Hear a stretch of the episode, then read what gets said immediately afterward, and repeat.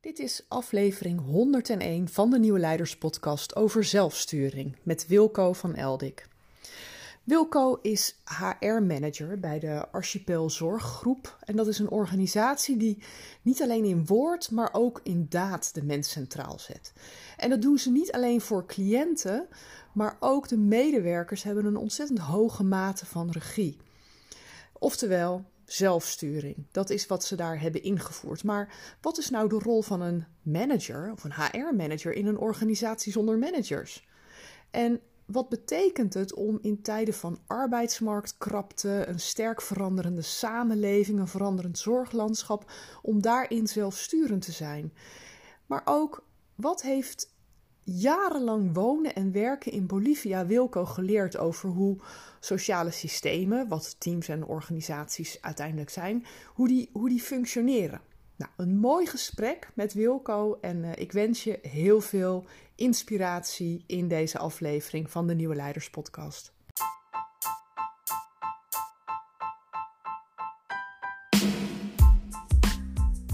Nieuwe tijden vragen om nieuw leiderschap. Mijn naam is Petra Kuipers en vanaf deze plek neem ik je mee op onderzoek naar hoe we nieuwe vormen van leiderschap kunnen ontwikkelen in organisaties, in teams en niet in de laatste plaats bij onszelf. Samen herschrijven we de definitie van leiderschap. De Nieuwe Leiders Podcast is een podcast vol inspiratie en informatie voor formele en informele leiders. Let's go! Nou, welkom Wilco. We waren al even begonnen en toen zei ik: Dit wordt eigenlijk veel te waardevol om het niet op te nemen. Dus we gaan gewoon door uh, waar we gebleven zijn, maar wat de luisteraar nog niet heeft, uh, heeft gehoord. Um, voordat we dat doen, zou je iets willen vertellen over jezelf, wat je op dit moment doet? Oké, okay, um, nou dankjewel Petra voor de, ja, de invitatie. Uh, op dit moment ben ik HR-manager bij Archipel Zorggroep. Dat is een uh, oudere zorgorganisatie die werkt vanuit principes eigen regie. Um, dus ook met zelfsturende teams en mm-hmm. eigenlijk zonder managers. Maar para paradoxaal genoeg ben ik daar dan wel manager, maar dan van de ondersteuning. Je heet ook wel echt officieel manager. Ja, ja, en sterker nog, toen ik wegging bij mijn vorige werk, zei ze ook: Jij als manager, hoe moet dat dan? Uh, je gelooft helemaal niet in manager zijn. En toch word je manager. Dus ja, hoe gaat dat eruit zien? Ja, ja. daar ben ik nou dan in. Ja, en, en was dat er al? Of ben jij de eerste die, uh, die dit vorm aan het geven is? Nee, die was er al. Oké. Okay. Ja. Dus zelfsturing zat daar al in het DNA, mag ik het zo zeggen? Uh, ja, een aantal jaren geleden is dat uh, ingevoerd. En nou ja, wat is, wat is DNA? Ik denk ook vooral dat het zit in een soort mensgerichte manier van omgaan met de cliënt. En ik denk dat dat vooral in het DNA zit. Dus ook het mensgericht met elkaar omgaan. Het is een hele ja, groene zeg maar, ja. organisatie. heel aardig. En ja, dat, dat zit er echt wel in, dat merk ik. Ja. Ja, en dan die koppeling, ja, die maak je op een zeker moment om een bepaalde ruimte misschien te geven aan de professional. Ja, en dan kom je richting meer zelfsturende vormen. Wat ja. ook weer niet altijd makkelijk is, maar... Denk nee, want ik denk dat, dat het goed is om daar zo inderdaad ook eens op in te zoomen. Van waar, waar krijg je mee te maken? Maar was jij erbij toen die transitie van uh, de ene vorm van aansturing naar zelforganisatie, of zelfsturing moet ik zeggen, uh, omging? Of, of was dat voor jouw tijd? Nee, dat was voor mijn tijd. Uh, ja? Ik werkte nog maar minder dan een jaar. Oh, oké. Okay. Je bent nog heel vers. Ja, ja. Wat heeft je het meest verbaasd of geraakt toen je hier binnenkwam? Um,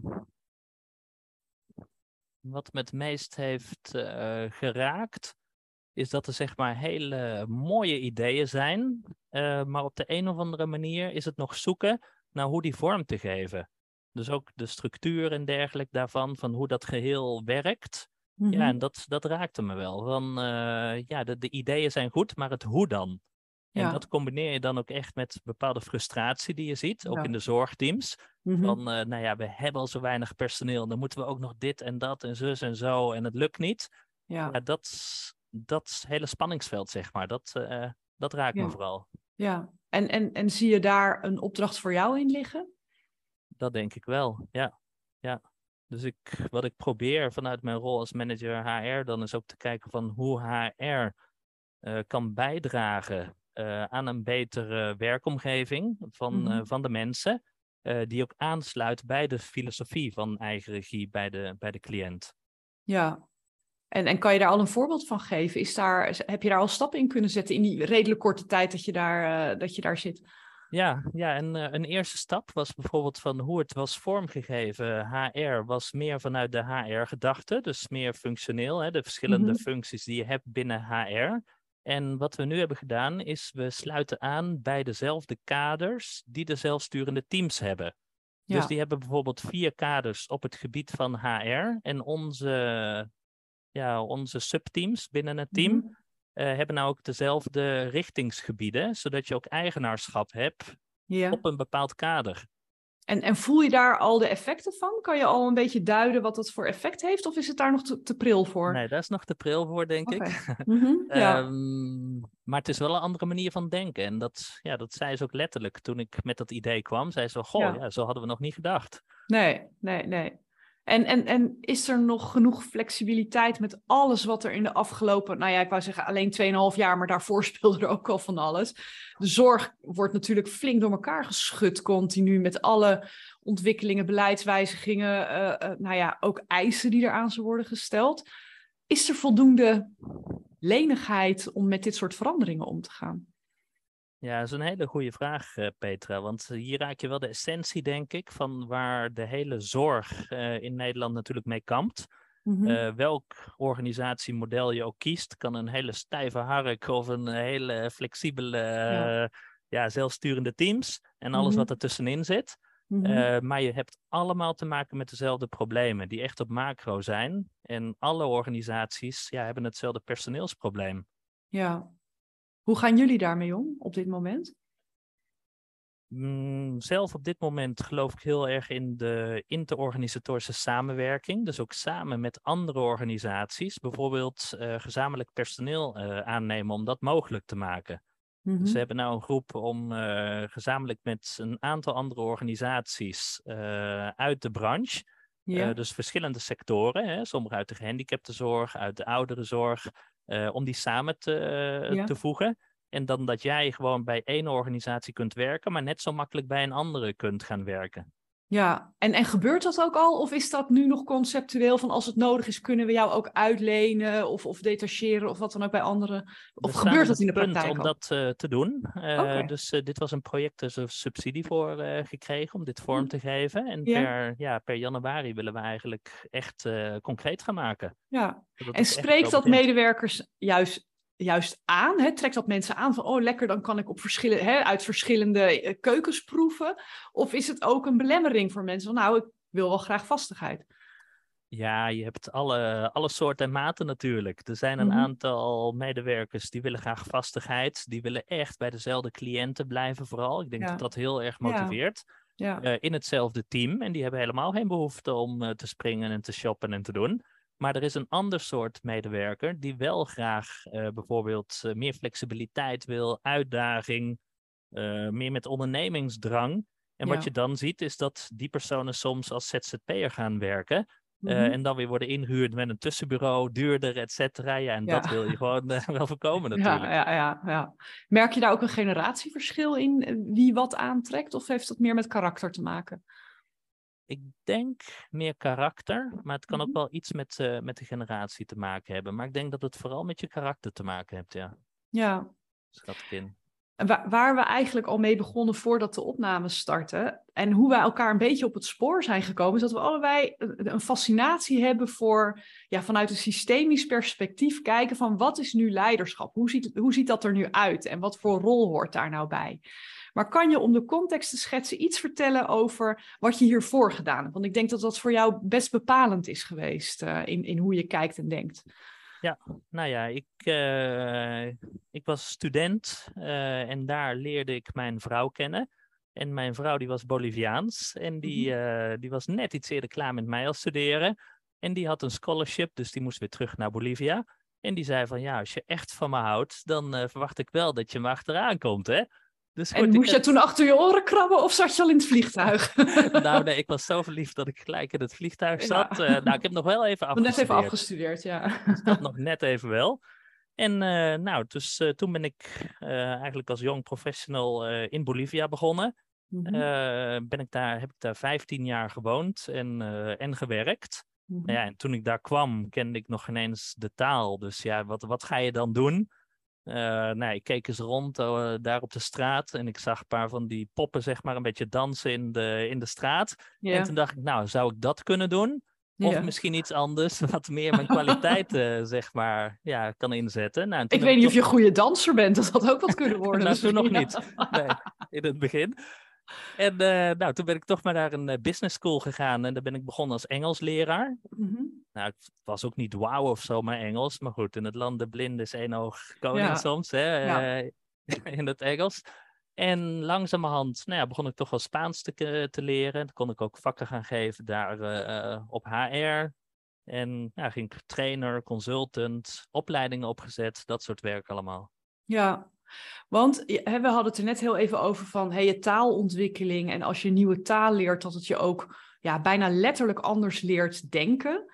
Hoe ben jij anders gaan denken? Door de taal, door de context waar je in zat. Hoe heeft dit je veranderd? Ja, compleet. Ehm, weet je, ik las, ik las een boek van Quinn en die had het over tweetalig denken. En toen dacht ik, kijk, dat is nou precies wat, wat mij gebeurd is. Eh, op een zeker moment kom je daar en eh, in het begin ja, zeg je alles ja, ja en amen en, en alles, je snapt de helft of nog veel minder. Ja, En op zeker moment dan begin je steeds meer de, ja, een beetje de fijne kneepjes van de humor te snappen, de manier van denken, maar dan ben je jaren verder, hè? ja. En ja, dan, dan word je steeds Boliviaanser eigenlijk. In Mhm. je denken, in je doen. En er was een moment, toen, eh, toen zaten we bij de Zwitserse ambassade, deden we een cursus. En toen kwamen die Zwitsers en die gingen daar dan zeg maar in die groep zitten. En dat, ja, ze, ze begrepen elkaar niet. En toen had ik juist van, oké, ik begrijp die Zwitsers, maar ik begrijp ook die Bolivianen, wat er nu gebeurt en waarom ze elkaar niet vinden. En, en kan je er woorden aan geven als je meer Boliviaans denkt of wat dan ook? Maar eh, hoe, hoe verschilt dat van onze... Hè, want wij zijn een soort goudvis in het water. Als je aan mij vraagt, van, hoe is het water vandaag? Ja, het is, weet je wel. Maar kan, kan je er woorden aan geven hoe jij Boliviaanser bent gaan denken? Hoe ziet dat eruit? Nou, een, een woord als creativiteit is eh, denk ik heel belangrijk. Eh, Mhm. want het is daar ja, echt een beetje een chaotische omgeving. Dus Mhm. op het moment dat jij echt de structuur wil aanhouden, de controle, nou, dan ga je het daar niet redden. Eh. Dus je hebt geen keuze, denk ik, om veel creatiever te denken. Maar ook ja, woorden als menselijkheid, denk ik dat dat, dat wel ja, iets met me gedaan heeft.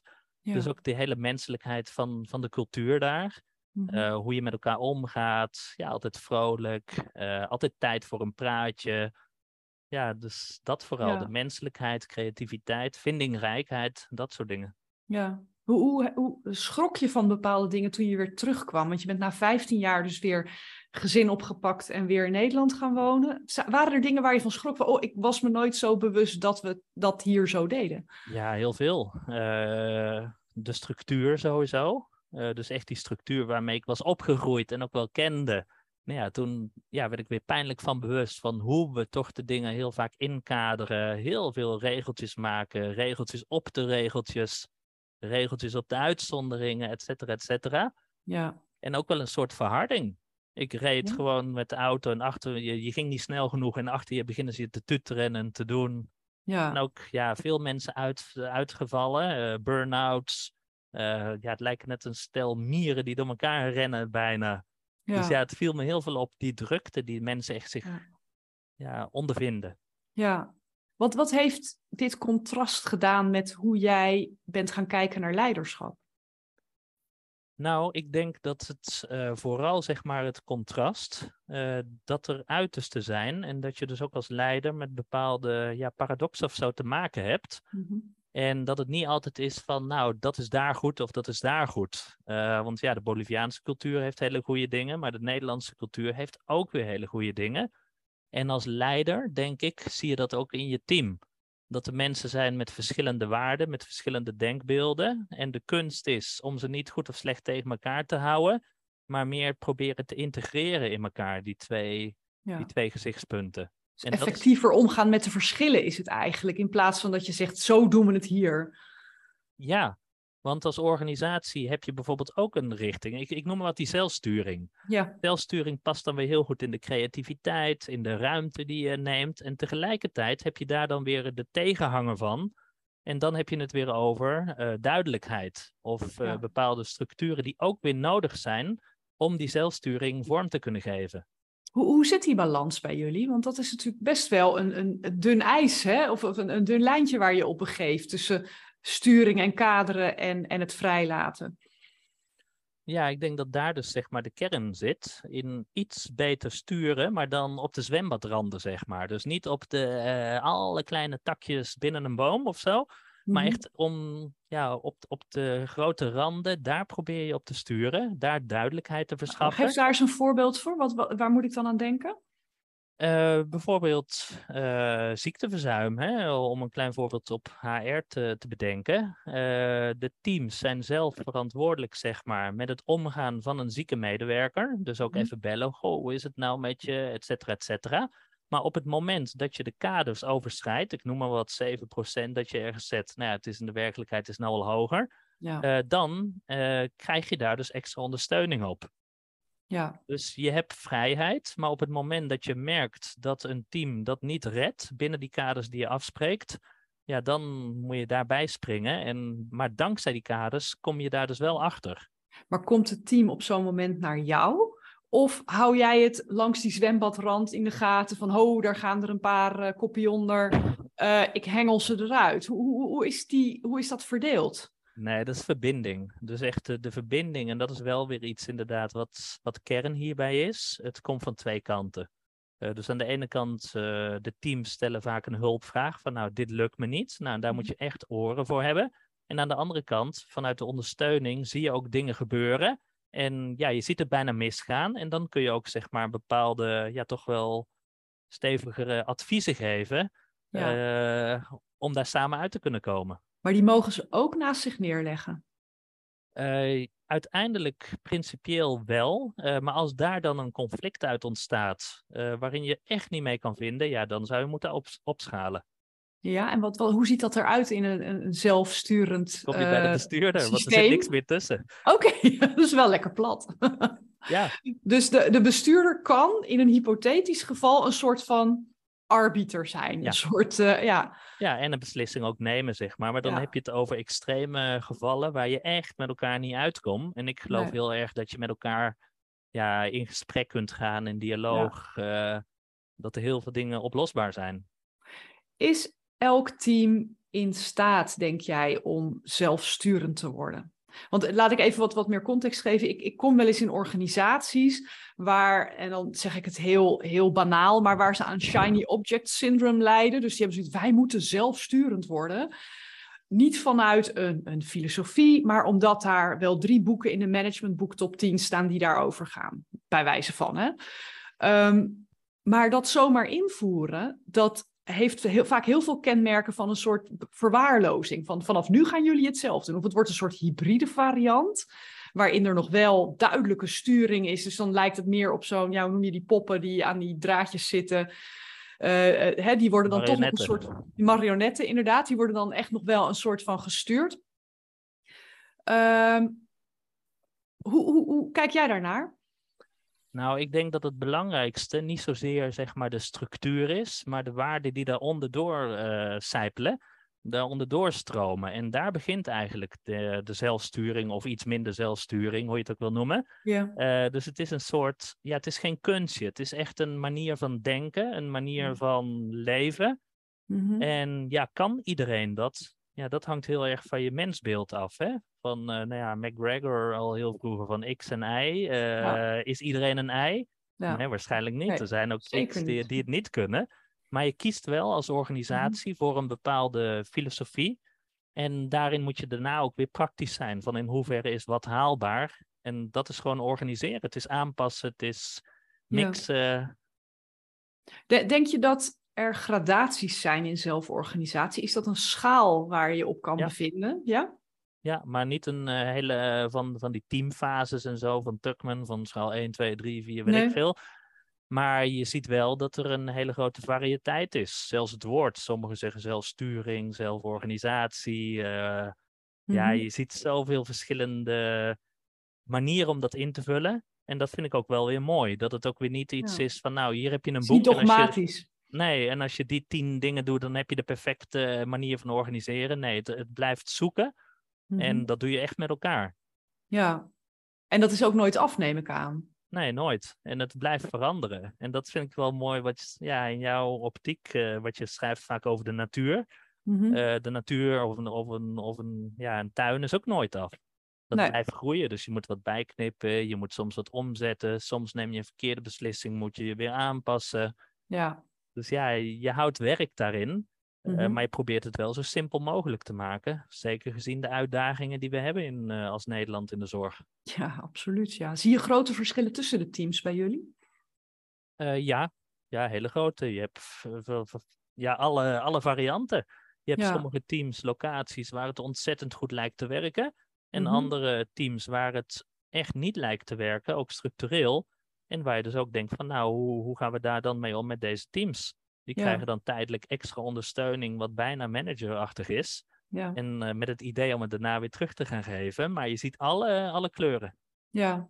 Maar Hoe ziet leiderschap eruit binnen een context van zelfsturing, volgens jou?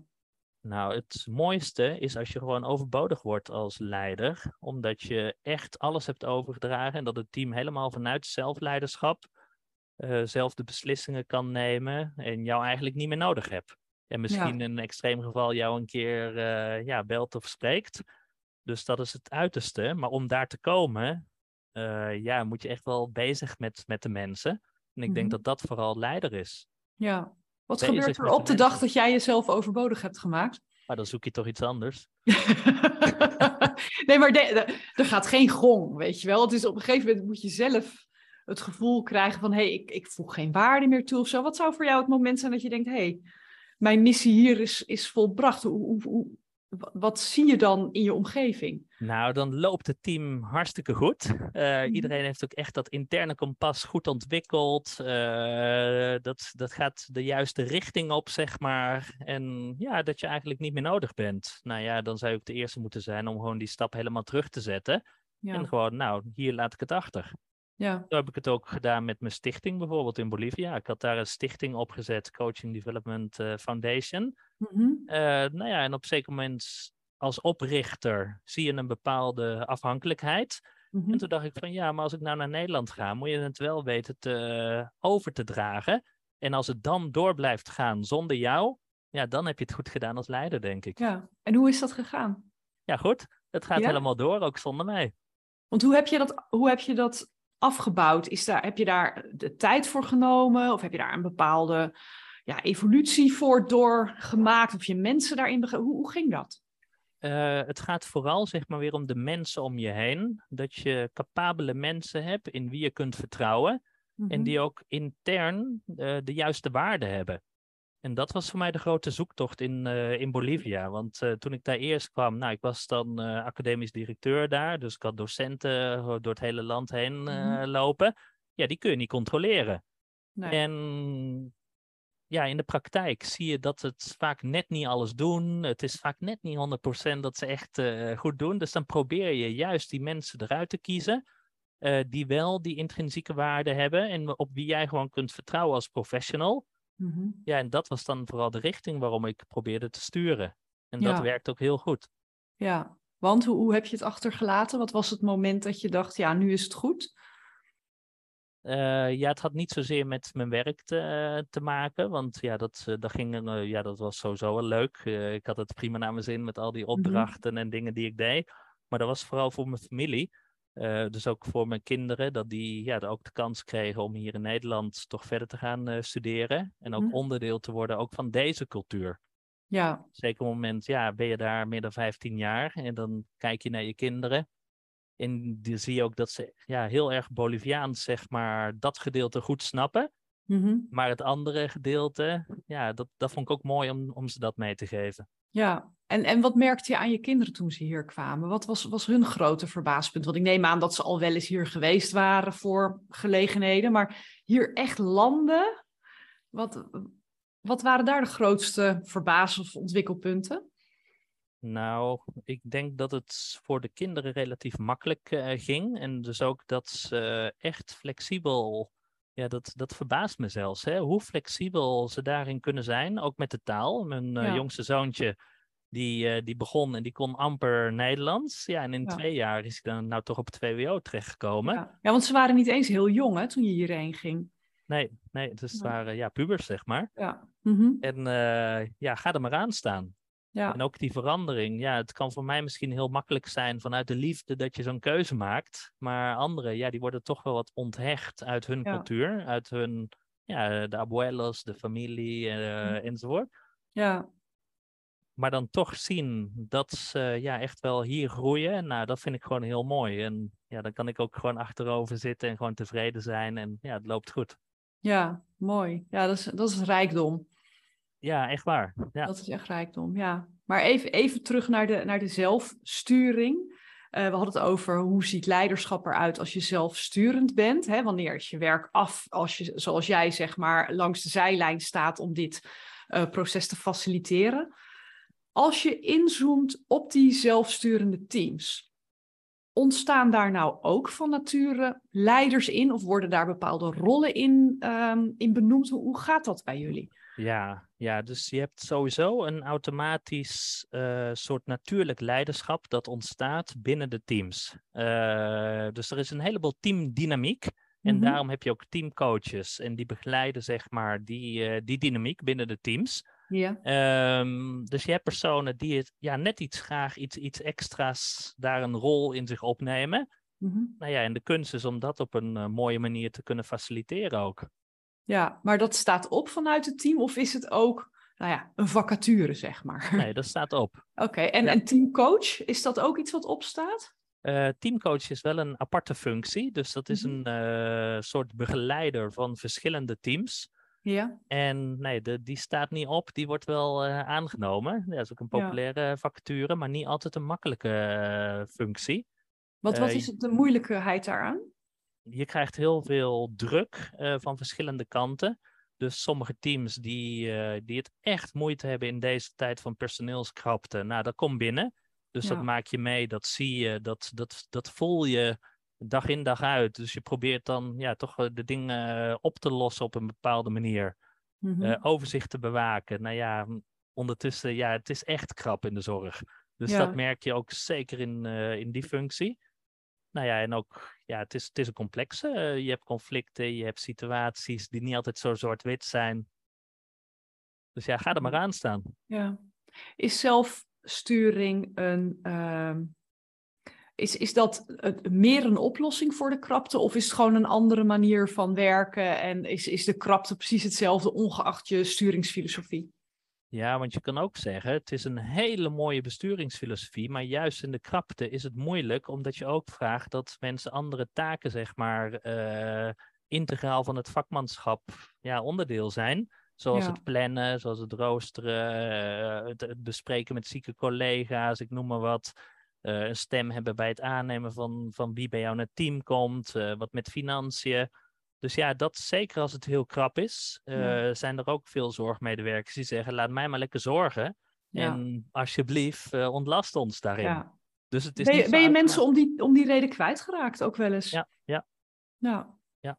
Maar trek je ook mensen om die reden aan? Dat ook, ja. Dus, uh, en dat is eigenlijk voor mij het, het optimum. Hè? Dus als je in de toekomst kijkt naar verschillende organisaties, dan heb je bijvoorbeeld vijf organisaties met allemaal een verschillende besturingsfilosofie. En dat mm -hmm. gewoon voor iedereen de plaats is waar jij op een bepaald moment van je leven graag zou willen werken. Ja, want als je, als je nu door je oogharen naar de toekomst van vijf tot tien jaar kijkt en even, hè, je kent je eigen context het beste, hoe zie je het zich ontwikkelen? Want personeel, ja, ik, ik vermoed dat er niet zomaar een blik ergens wordt opengetrokken en dat dat makkelijker wordt. Waar, waar zie jij perspectief? Uh, nou, er zijn verschillende gebieden. Hè. Je, je kan dus het samenwerken, wat ik noem, de zorgtechnologie, uh, thuis ondersteunen, dat soort uh, gebieden. Um, efficiënter werken, dus echt wat voegt waarde toe, wat niet, daar heel kritisch op zijn. Um, en tegelijkertijd, nou ja, zullen er niet onderuit komen, denk ik, om echt anders te denken in de zorg. En ja, uit te gaan toch wel van de essentie wat je kunt leveren met beperkte, ja, met beperkte resources die je hebt als organisatie. Ja. Dus wat is de passende zorg die je dan toch nog kan bereiken? Ja, en daar uh, denk ik dat het in de toekomst echt wel wat naar beneden gaat, zeg maar. Wat verwachtingen. Ja, en dat, Mhm. dat doet wel pijn hoor. Ja, ja. Wat, wat kunnen wij als collectief nog voor mindset shift maken wat jou betreft om de zorg voor ouderen, want daar hebben we het nu over, om, om die menselijker te maken? Nou, menselijk, daar heb je al de, de, de mindset. Hè? Laat die regeltjes een beetje los. Probeer het echt terug naar de menselijkheid. Maar vooral ook simpel. Dus probeer Mhm. het niet te moeilijk op te tuigen als het niet nodig is. Dus niet vanuit je eigen beheersmatige eh, behoeften eh, ga je de dingen controleren als het ook op basis van vertrouwen kan. Dus Mhm. ik denk die vertrouwen, eh, simpel, menselijkheid, dat zijn dingen die, ja, die ik hoop eh, dat versterkt kunnen worden. En dat ons gaat helpen om in de toekomst ook ja, de zorg te kunnen bieden op een zo goed mogelijke manier. Want hoe houden jullie vinger aan de pols bij wat de cliënten zelf willen, wat, wat, waar zij behoefte aan hebben?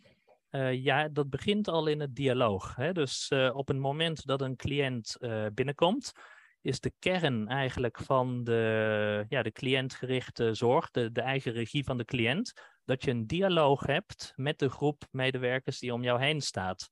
En dat doe je dan samen hè, met, met de familie, met vrijwilligers, wie kan wat doen. En ik Mhm. denk dat daar in die dialoog, daar komt de kern. En daarom vind ik dit ook zo mooi om hier te werken. In, in een organisatie die echt eh, de cliënt in de regie stelt. Ja. Omdat stel je voor, als jij cliënt bent. Nou ja, je hebt twee manieren van dat een organisatie met je omgaat. Organisatie A, eh, allemaal regels, procedures en een maatwerk wat je helemaal niet lekker zit. En een Mhm. andere organisatie die gewoon menselijk met jou in gesprek gaat en op een realistische manier kijkt naar wat er mogelijk is. Nou ja, dan zou ik liever bij een tweede organisatie komen Ja. als cliënt. Ja, en, en is voor jullie de cliënt het aanspreekpunt of ook het hele systeem om die cliënt heen aan familie, aan partner, aan, aan hoe, hoe werkt zoiets? Ja, klopt. Dus het is ook inderdaad, en dat wordt steeds meer. Eh, Dus Mhm. je hebt nou ook eh, initiatieven eh, waarin de zorg veel meer als onderdeel wordt van de buurt. Dus het is Mhm. een soort, eh, hoe schakel je de buurt in? Hoe schakel je de familie in? Eh, hoe zorg je ervoor dat op die manier mensen toch nog lang eh, ja, hun, zichzelf samen kunnen redden? Mhm. In die ja, gemeenschapszin, om het maar zo te zeggen. Ik denk dat daar ook een hele belangrijke lijn ligt in de toekomst. Ja.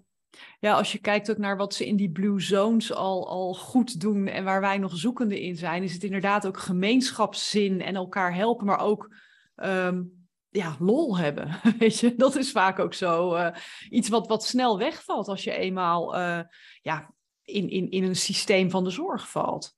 Ja. Het wordt vaak wat zwaar, er zit weinig luchtigheid in. Wat, wat doen jullie daarmee? Ehm, nou, in ieder geval, ik zelf eh, probeer natuurlijk in je eigen team eh, het niet al te zwaar te maken. Eh, Dus ook die bepaalde luchtigheid is heel belangrijk. Hè? Eh, nu hebben we bijvoorbeeld, ik wilde wat gaan werken met bepaalde waarden in, in ons team. Mhm. En toen dacht ik van, hoe doe ik dat nou? Ga ik nou iemand inhuren of gaan we gewoon naar een restaurantje en gaan we dat zelf met iemand die het kent? Nou, Ja. toch voor het laatste kiezen. Als het even kan, probeer wat relaxed ermee om te gaan. Want mensen hebben zo'n drive. die werken zo hard van zichzelf. Ja. eh, dat je er echt niet een, een snelkookpan omheen hoeft te, te zetten. nee. Vaak Nee, moet dus je ze wie- zelfs afremmen, lijkt het wel. Ja, het is bijzonder hoe zij gaan denken. Hè? Het is bijna een soort van onbewuste aanname dat als je mensen niet aanstuurt, dat ze stilvallen. Terwijl mensen willen van nature waarde toevoegen. Ze willen het goede doen. Niemand staat op met het idee van, nou, ik ga eens kijken hoe ik zo min mogelijk kan doen vandaag. Ja, en toch klopt. betaald worden. Een hele bijzondere mindset eh, die je op heel veel plekken ziet. Ja, en dat is heel positief. Maar dat komt echt vanuit die innerlijke drive. Ja, En wat je dan vaak zoekt is ja, toch een beetje het overzicht houden. Want Mhm. als je eh, mensen helemaal zelf laat doen, ja, gaat het meer en meer en meer en meer. En totdat je het zelf niet meer aan kunt.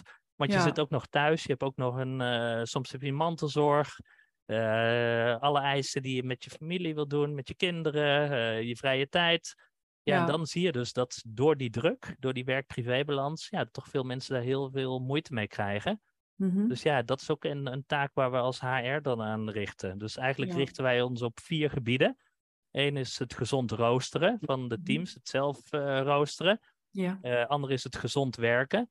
Uh, daarnaast een prettig werkklimaat, talent, ontwikkeling. En Mhm. natuurlijk dat er voldoende deskundig personeel is in deze krappe Ja. arbeidsmarkt. Ja. ja, en dat laatste is natuurlijk dan de grootste uitdaging. Ja, klopt. Als je nou woorden zou moeten geven aan het mensbeeld, wat als het ware het, het fundament is voor eh, succesvolle zelfsturende organisaties, wat, wat voor woorden zou je daar dan aan geven? Vertrouwen. Is dat het enige? Is vertrouwen genoeg? Nou, vertrouwen is zo diep, eh, denk ik. En dat vind ik dus heel mooi. Toen ik terugkwam in, eh, in Nederland, dan voelt het ook weer als een warm bad. Omdat hier gewoon een, ja, ze zeggen een high trust culture. Hè? Het is een Mhm. eh, cultuur van hoog vertrouwen. En dat merk je wel. Eh, en natuurlijk, het, ka- het kabbelt wat af in eh, vergelijking tot 30 jaar geleden. Ja. maar toch zie ik nog in vergelijking met Zuid-Amerika dat er hier heel veel vertrouwen is. Ook in collega's, ook onderling. En dat is ja, gewoon de basis. Dat je op elkaar Ja. kunt vertrouwen als team. Ja. En wat kunnen wij adopteren uit, eh, uit Bolivia of uit, uit Zuid-Amerika in het algemeen eh, aan, aan normen, waarden, nou ja, waar wij misschien wat te karig in zijn? Ja, vrolijkheid. Ja? Ja, dus, eh, is gewoon vrolijk. take it easy a little bit. Ja, dat vooral. Mhm. Dus dat is wel echt iets van, ja, veel mensen misschien als ze dit luisteren en ze, ze kennen de Latijnse cultuur.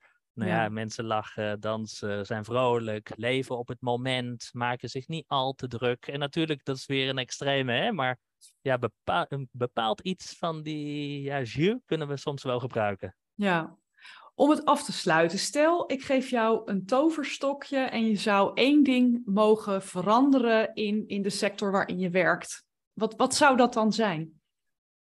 Nou, dan zou ik het zo maken dat als jij cliënt bent, dat je waar dan ook ter wereld gewoon verzorgd kan worden. Eh, dus in een toverstaf bloem eh, zit jij lekker in Bolivia daar eh, in de zon of ergens anders op de wereld, gewoon waar mensen zijn, dat je daar verzorgd zou kunnen worden. Mooi. Want ik merk wel van ja, het is, we halen hier mensen heen, maar het is vol wat betreft huizen, het is moeilijk. dus dan wordt die druk steeds groter. Dus soms denk ik wel van ja, goh, wat mooi zou het zijn met een toverstafje als je gewoon als cliënt overal verzorgd zou kunnen worden Ja, in de wereld. daar zijn we nog een eindje vandaan, maar het is een heel mooi beeld om naar te werken. Ja, dankjewel. Dankjewel Wilco. Ik vond hem eh, weer heel interessant. Eh, waar kunnen mensen meer over jou vinden? Want je schrijft artikelen op LinkedIn. Eh, kan, kan je daar kort iets over vertellen? Hoe kunnen ze in contact met je komen als ze dat willen? Ja, gewoon mijn naam, Wilco van Eldik op LinkedIn. En nou ja, Wilco me met een C en Van Eldik met een K. Dat is misschien nog even goed. Ja, ik zal het ook in de show notes zetten. Ja. Ja, dat is goed. En nodig me uit en dan accepteer ik je en dan kunnen we contact hebben. Super, dankjewel. Dankjewel voor het luisteren naar de Nieuwe Leiders podcast. Was deze aflevering waardevol voor je? Door hem te delen of een recensie achter te laten help je nog veel meer mensen om de Nieuwe Leiders podcast te vinden. En vergeet niet de podcast te volgen zodat je niets meer mist. Ik tref je graag bij de volgende aflevering.